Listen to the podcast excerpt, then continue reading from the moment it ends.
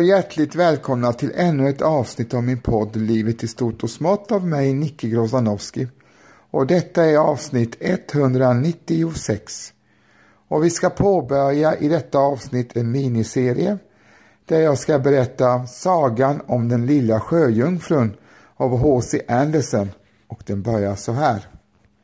Långt ute i havet är vattnet så blått som kronbladen på de fagraste blåklintblommorna och såklart som den renaste glas.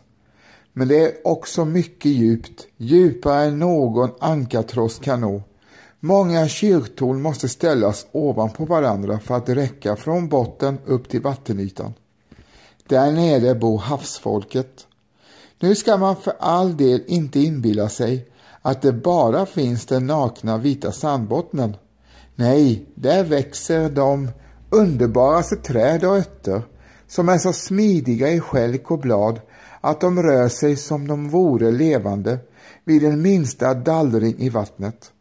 Alla fiskar, små och stora, kilar omkring bland grenarna, liksom fåglarna här uppe i luften. Där är allra djupast, där ligger havskungens slott. Väggarna är av koraller och de höga spetsiga fönstren av de allra klaraste bärnsten. Men taket består av musselskal som öppnar och sluter sig allt eftersom vattnet rinner till. Det ser vackert ut, för i varje skal ligger strålande pärlor.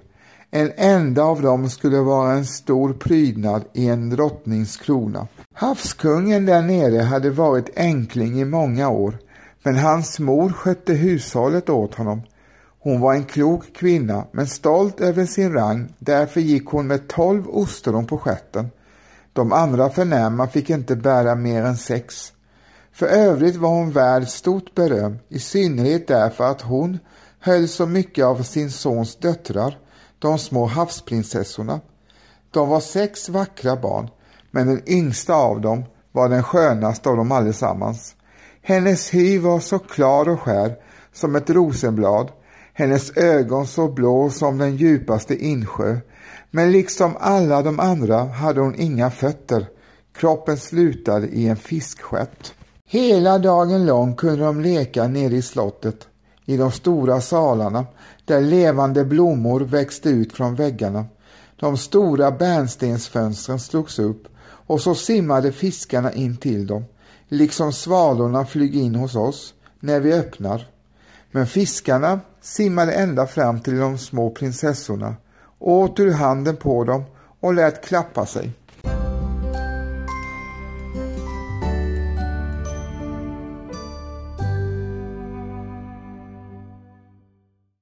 Utanför slottet fanns en stor trädgård med eldröda och mörkblåa träd. Frukterna blänkte som guld och blommorna som brinnande eld. Allt under det de beständigt rörde på skälk och blad. Marken själv består av den finaste sand, men blå som svavellågor. Över alltsammans vilade ett underbart blått skimmer. Man skulle snarare ha kunnat tro att man stått högt uppe i luften och endast sett himlen över och under sig än att man var på havets botten. När det rådde fullkomligt vindstilla kunde man skymta solen. Den liknade en purpurblomma ur vars kalk allt ljus utströmmade. Var och en av de små prinsessorna hade sitt eget lilla område i trädgården där hon kunde gräva och plantera som hon ville. En gav sin blomsteräng formen av en valfisk, en annan tyckte bättre om att hennes liknade en liten sjöjungfru. Men den yngsta gjorde sin alldeles rund som solen och hade endast blommor som lyste lika röda som de. Hon var ett egendomligt barn, stilla och eftertänksam och när de andra systrarna prydde sina land med de sällsammaste ting som de fått från förlista skepp ville hon, utom de rosenröda blommor som liknade solen högt där uppe, bara ha en vacker marmorstod. En skön yngling var det, huggen i den vita rena stenen och vid ett skeppsbrott nedsjunken till havets botten. Vid marmorstolen planterade hon en rosenröd tårpil som växte yppigt och sträckte sina friska grenar över den ned mot den blåa sandbotten där skuggan såg violett ut och var i ständig rörelse, liksom grenarna. Det såg ut som om trädets stopp och dess rötter lekt att de kysste varandra.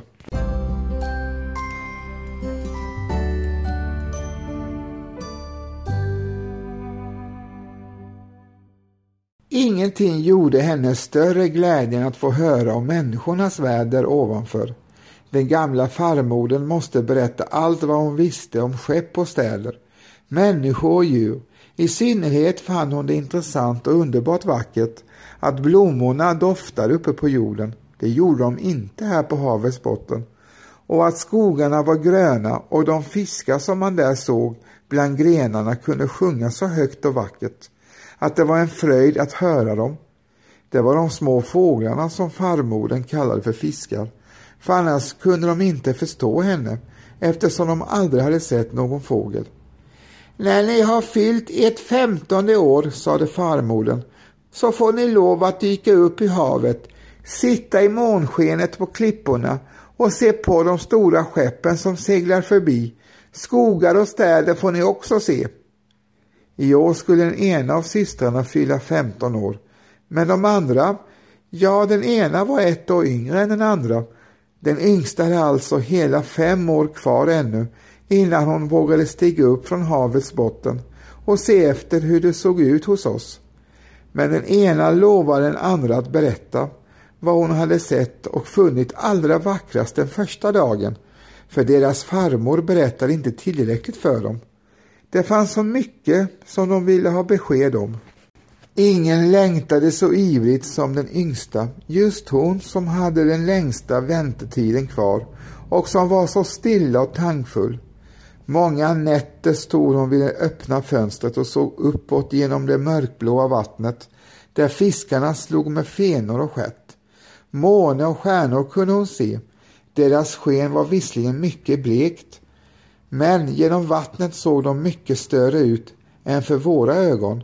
Kom det då liksom en mörk sky glidande under den, då visste hon att det var antingen en valfisk som simmade över henne eller också ett skepp med många människor i.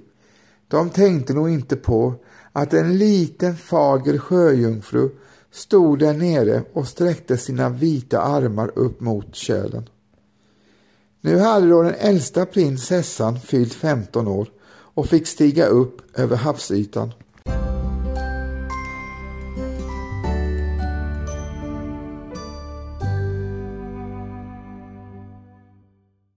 När hon kom tillbaka hade hon hundra saker att berätta om. Men den allra vackraste, sade hon, var att ligga i månskenet på en sandbank i det lugna vattnet och se alldeles intill kusten den stora staden, där ljusen glimmade likt hundratals stjärnor, att höra musiken och allt larm och buller från vagnar och människor, att se så många kyrktorn och spiror och höra hur klockorna ringde. Just därför att hon inte fick komma dit och upp längtade hon allra mest efter allt detta. Åh, så noga den yngsta systern hörde på och när hon sedan om aftonen stod vid det öppna fönstret och såg upp genom det mörkblåa vattnet tänkte hon på den stora staden med allt dess larm och buller och då tyckte hon att hon kunde höra kyrkklockorna ringa ända ner till sig. Året därefter fick den andra systern lov att stiga upp genom vattnet och simma vart hon ville. Hon dök upp just då solen gick ner och den synen tyckte hon var den allra vackraste av allt. Hela himlen hade sett ut som guld, sade hon, och molnen, ja, deras skönhet kunde hon inte beskriva. Röda och violetta hade de seglat fram över henne, men långt snabbare än dem flög likt en lång vit slöja en flock vilda svanar över vattenytan, där solen stod. Hon simmade fram emot dem, men den sjönk och rosenskimret slocknade på havets yta och på molnen. Året därpå kom den tredje systern upp. Hon var den järvaste av dem alla. Därför simmade hon upp för en bred flod som mynnade ut i havet. Vackra gröna kullar med vinrankor såg hon. Slott och herrgårdar tittade fram ur djupa skogar. Hon hörde hur alla fåglar sjöng och solen sken så varmt och hon emellanåt måste dyka ner under vattnet för att svalka sitt brännande ansikte. I en liten bukt träffade hon på en hel flock små människobarn. Alldeles nakna sprang de där och plaskade i vattnet. Hon ville leka med dem, men de sprang förskräckta sin väg och där kom ett litet svart djur. Det var en hund, men hon hade aldrig förr sett någon hund. Den skällde så förskräckligt på henne att hon blev rädd och vände tillbaka ut i vattnet. Men aldrig kunde hon glömma de djupa skogarna, de gröna kullarna, de små söta små barnen som kunde simma i vattnet fast de inte hade någon fiskstjärt.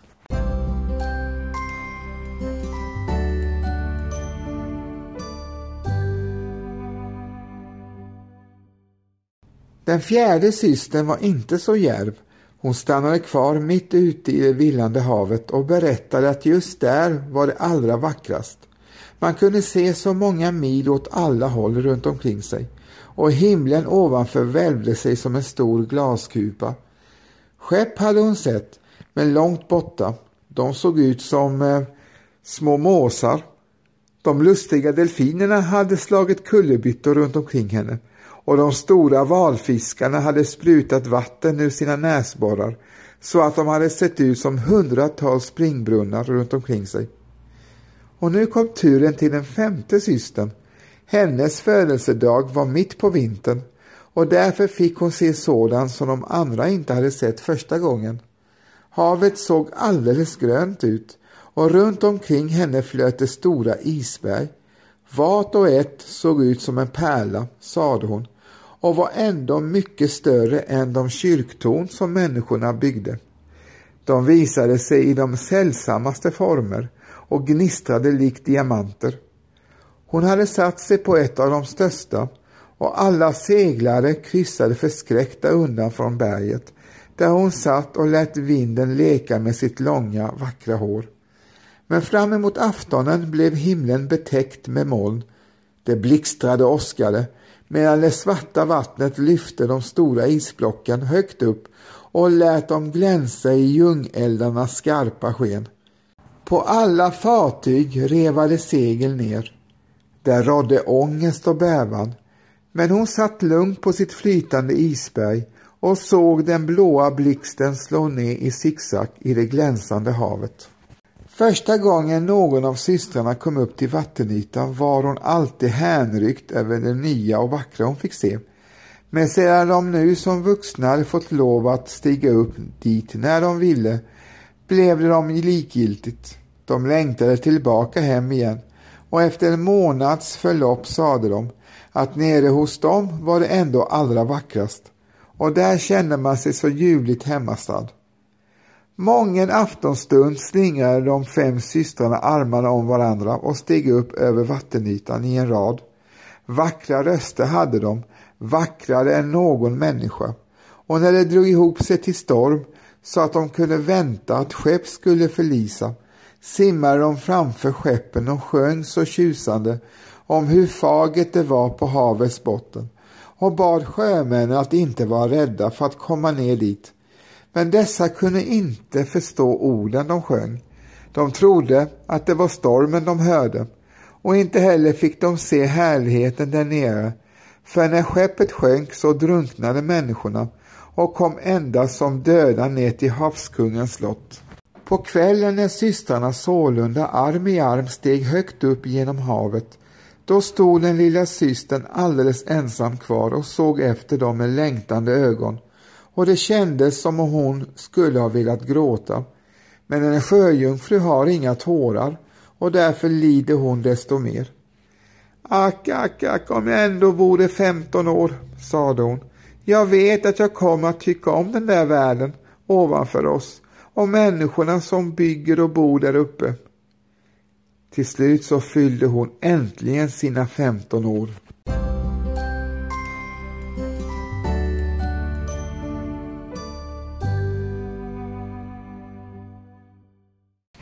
Se så, nu ska du också ut ur boet, sade hennes farmor, den gamla änkedrottningen. Kom hit så ska jag göra dig fin som dina systrar. Och hon satte en krans av vita liljor om håret på henne. Men varje blomblad var hälften av en pärla. Och så lät den gamla drottningen åtta stora ostron haka sig fast vid prinsessans stjärt för att visa hennes höga rang. Aj, det gör så ont, sa lilla sjöjungfrun. Ja, den som vill bli fin får pina sitt skinn, sa den gamla. Och hon skulle så gärna ha velat skaka av sig hela denna härlighet och slippa den tunga kransen. Hennes röda blommor i trädgården passade henne mycket bättre. Men nu vågar hon inte byta. Farväl, sade hon och steg så lätt och skir och klar som en bubbla upp genom vattnet. Solen hade just gått ned när hon lyfte huvudet ovanför havsytan.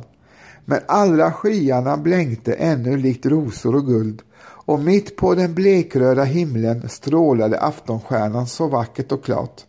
Luften var mild och frisk och havet spegelblankt. Där låg ett stort skepp med tre master. Bara ett enda segel var hissat, för inte en enda vindfläkt rörde sig och överallt i repverket och på råna satt det matroser. Där hördes sång och musik och allt eftersom kvällen blev mörkare tändes hundratals mångfärgade lyktor. De såg ut som alla nationernas flaggor vajat i luften. Den lilla sjöjungfrun simmade ända fram till kajutfönstret och varje gång dyningen lyfte upp henne kunde hon se in genom de spegelklara rutorna in i ett rum där det stod så många högtidsklädda människor. Men den allra vackraste var i alla fall den unge prinsen med de stora svarta ögonen. Han var visst eh, knappast mer än 16 år. Det var hans födelsedag och därför firades hela denna fest. Matroserna dansade på däcket och då den unge prinsen steg dit ut flög hundratals raketer upp i luften.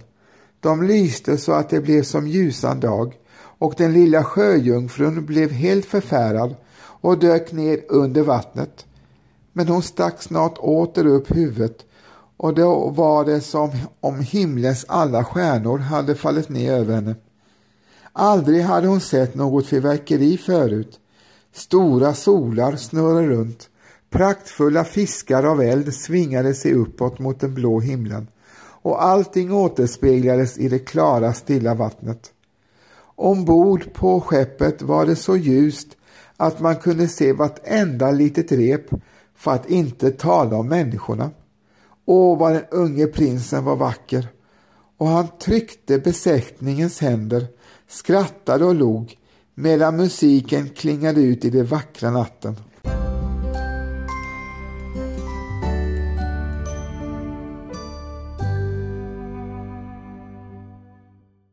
Det blev sent, men den lilla sjöjungfrun kunde inte ta ögonen ifrån skeppet och från den vackre prinsen. Lyktorna släcktes, inga raketer flög längre upp mot skyn, inte heller gör några fler kanonskott. Men djupt nere i havet susade och brusade. Hon satt under tiden på vattenytan och gungade upp och ner så att hon kunde se in i kajutan. Men skeppet sköt starkare fart det ena seglet efter det andra bredde ut sig. Nu gick böljorna högre. Väldiga moln hopade sig. Det blixtrade långt där borta. Åh, det skulle snart bli ett förskräckligt oväder.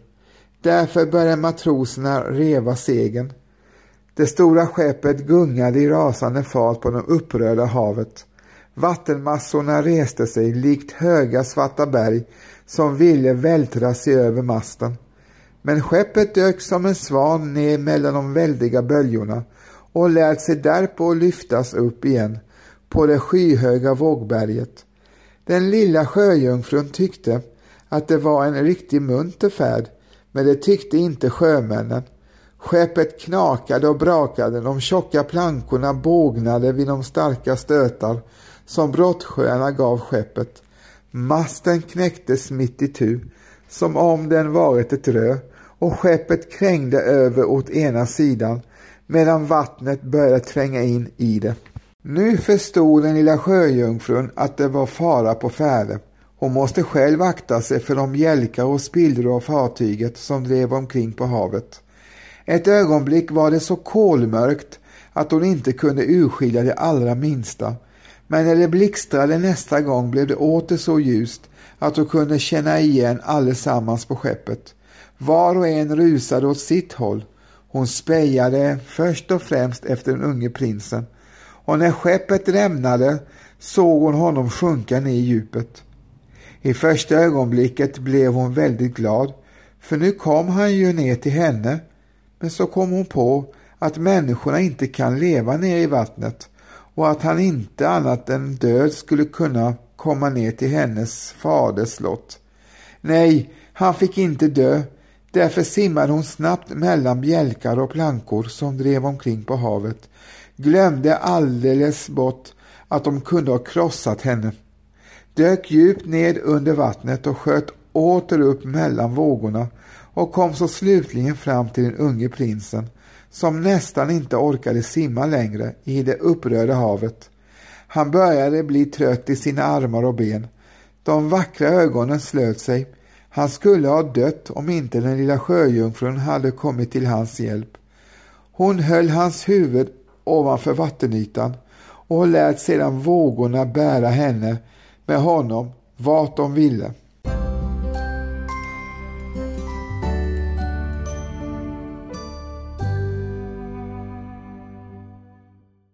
Gryningen hade ovädret rasat ut, av skeppet syntes inte ett spår.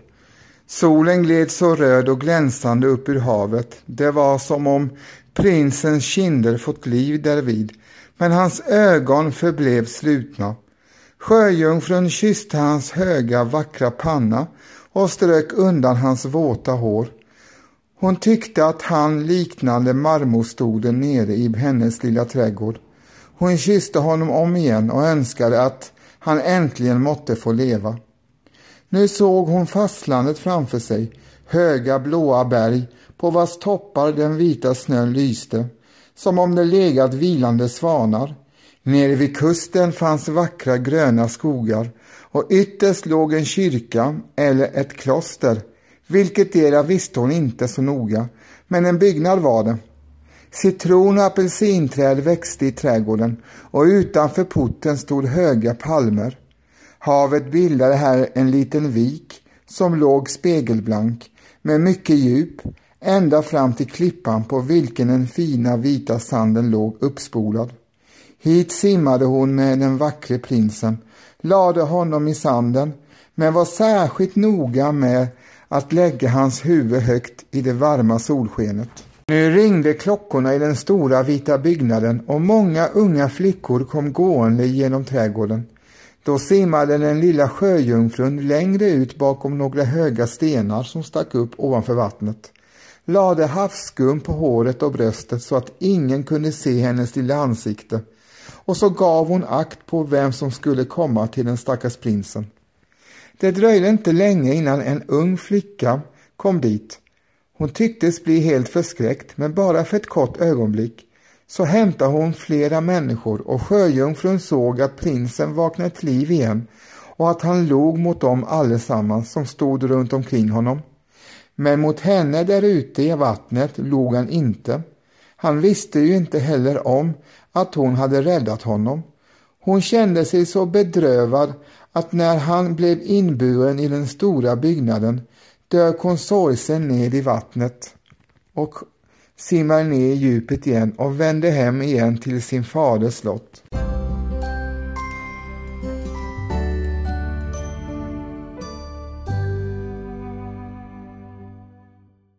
Alltid hade hon varit stilla och tankfull, men nu blev hon det i allra högsta grad. Systrarna frågade henne vad hon hade sett den första gången där uppe, men hon berättade ingenting. Många kvällar och månader steg hon upp dit där hon hade lämnat prinsen. Hon såg hur trädgårdens frukter mognade och blev skördade. Hon såg hur snön smälte på de höga bergen. Men prinsen såg hon inte och därför vände hon alltid ännu mer bedrövad hem igen. Där var det hennes enda tröst att sitta i den lilla trädgården och slingra sina armar omkring den vackra marmorstolen som liknade prinsen.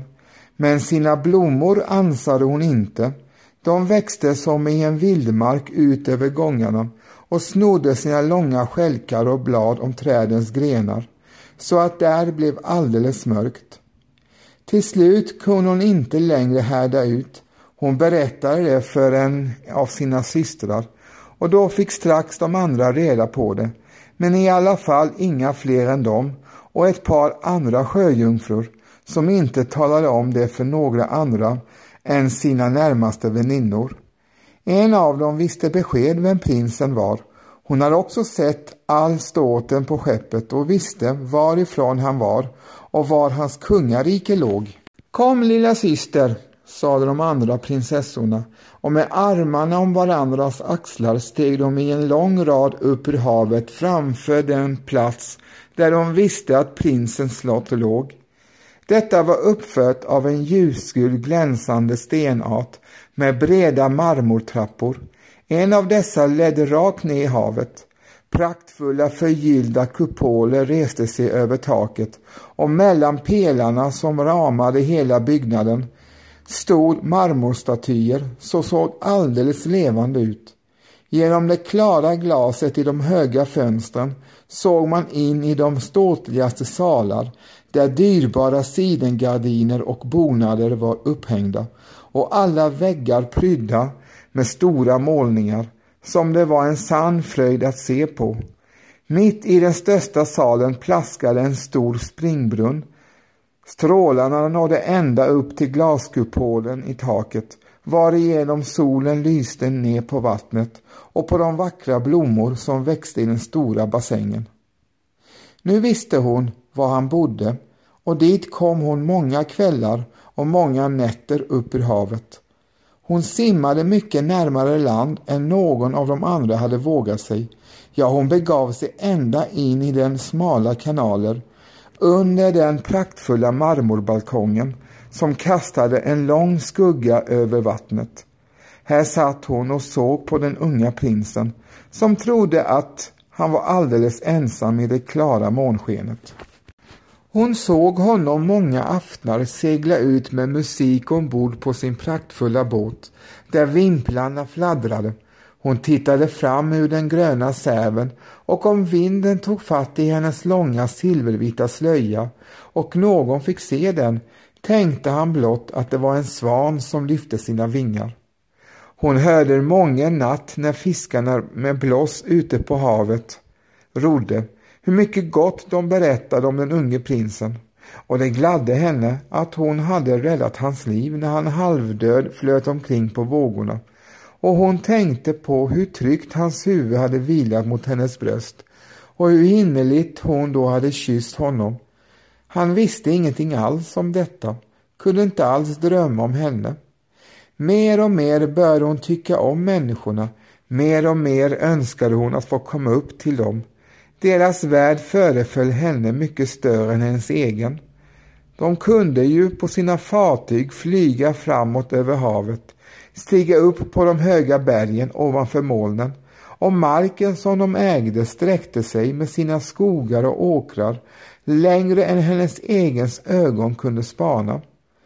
Det var så mycket hon skulle ha velat få reda på men systrarna kunde inte svara henne på alla frågor Därför vände hon sig till den gamla farmodern och hon kände väl till den högre världen som hon alldeles riktigt kallade marken ovanför havet.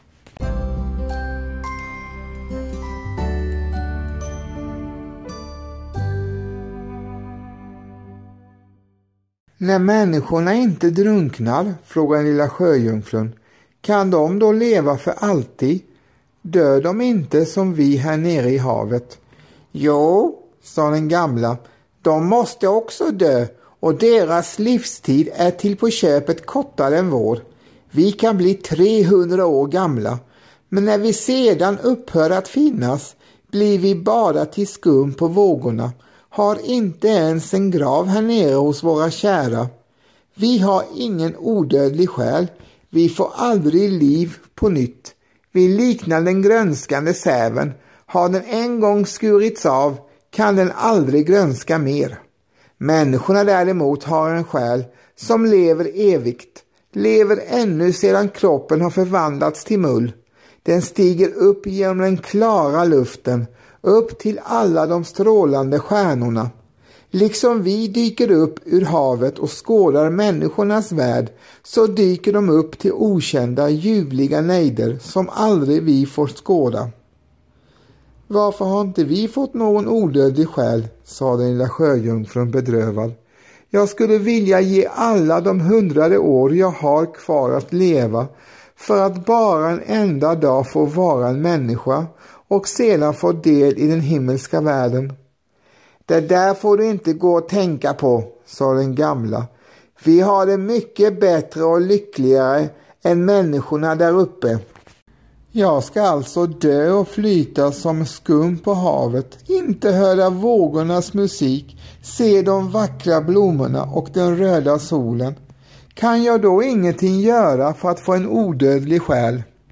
Nej, sa den gamla, endast om en människa finner dig så kär att du blev honom för mer än far och mor. Om han blev fäst vid dig med alla sina tankar och hela sin kärlek och lät prästen lägga hans högra hand i din med löfte om trohet här och i all evighet, då skulle hans själ flyta över i din kropp och du finner också del i människornas lycka. Han ger dig en själ och behåller sin egen. Men det kan aldrig ske.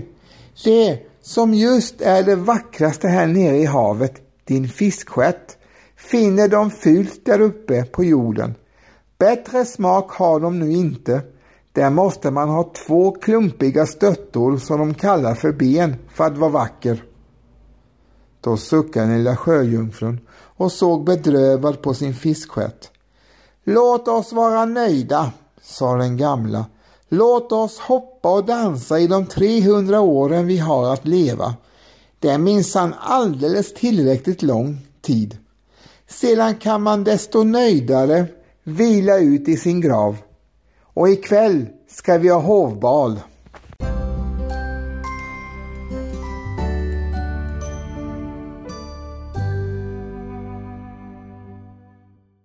Ja, då har ni alltså fått höra första delen i min miniserie om den lilla sjöjungfrun. Sagan som är nedtecknad av H.C. Andersen. Och eh, del två kommer i nästa avsnitt.